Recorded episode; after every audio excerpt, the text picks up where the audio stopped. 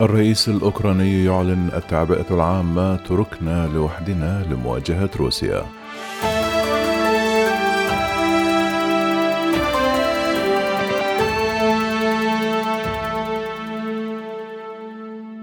قال الرئيس الأوكراني فلاديمير زيلينسكي أنه بحسب المعلومات أن الهدف رقم واحد لروسيا وعائلتي هي الهدف رقم اثنان مشيرا إلى أن بلاده تركت لوحدها في مواجهة روسيا. كما أعلنت التعبئة العسكرية العامة لمواجهة الهجوم الروسي الذي بدأ صباح الخميس بحسب مرسوم نشر على الموقع الإلكتروني للرئاسة الإلكترونية التي دعت السكان إلى التزام حظر التجوال. أشار المرسوم إلى أن هذا الإجراء يتعلق بالخاضعين للتجنيد العسكري وبجنود الاحتياط وسيطبق في غضون تسعين يوما في كل المناطق الأوكرانية. كما شكك الرئيس الأوكراني بالتزام الناتو بضمان عضوية بلاده في الحلف قائلا. سألت سبعة وعشرون عضوا قائدا أوروبيا من عضوية بلادي في الناتو ولم يجبني أحد. وتابع متسائلا من مستعد لضمان عضوية أوكرانيا في حلف شمال الأطلسي. ليرد بأن الجميع خائفون.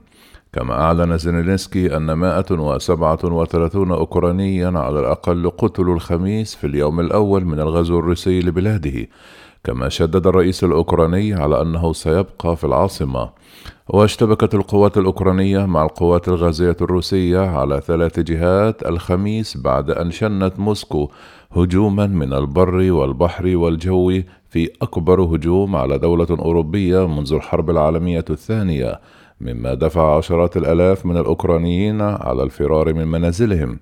بعد إعلان الرئيس الروسي فلاديمير بوتين الحرب في خطاب تلفزيوني فجر الخميس سمع دوي انفجارات وإطلاق نار طوال الصباح في مدينة كييف التي يقطنها ثلاثة ملايين نسمة.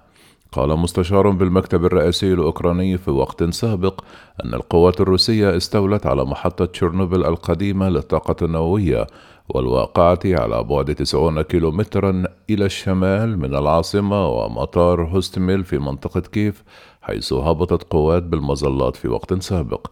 كما جرى تبادل مكثف لإطلاق النيران في مكتب سومي وخركيف في الشمال الشرقي وكذلك خرسون وأوديسا التي تضم مدينة مكتظة بالسكان وأيضا أهم ميناء أوكراني في الجنوب.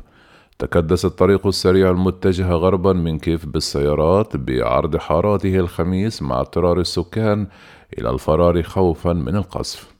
قالت وكالة اللاجئين التابعة للأمم المتحدة أن ما يقدر بنحو مائة ألف أوكراني فروا من منازلهم وأن عدة آلاف عبروا إلى دول مجاورة وخاصة إلى رومانيا ومولدوفا.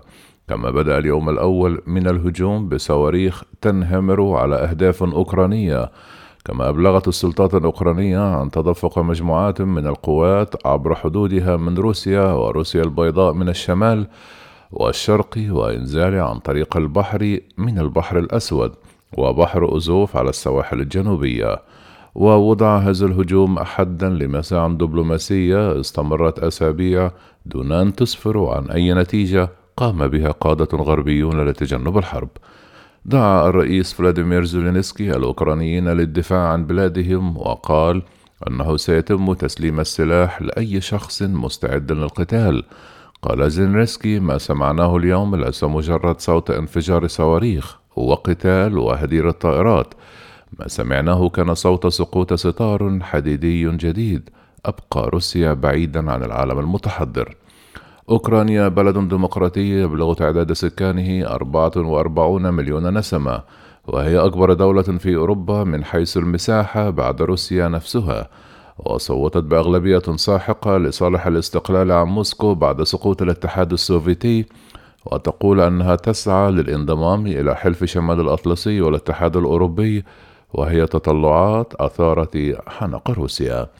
نفي الرئيس الروسي فلاديمير بوتون لأشهر التخطيط الهجوم على أوكرانيا لكنه وصفها بأنها استقطاع مصطنع من روسيا بيد أعدائها وهو وصف يرى الأوكرانيون أنه محاولة لمحو تاريخ بلادهم الذي يفوق الألف عام وعلى الرغم من أن الكثير من الأوكرانيين خاصة في الشرق يتحدثون الروسية كاللغة الأم إلا أنهم نظريا يعتبرونها قومية مختلفة ويعتبرون أنفسهم أوكرانيون.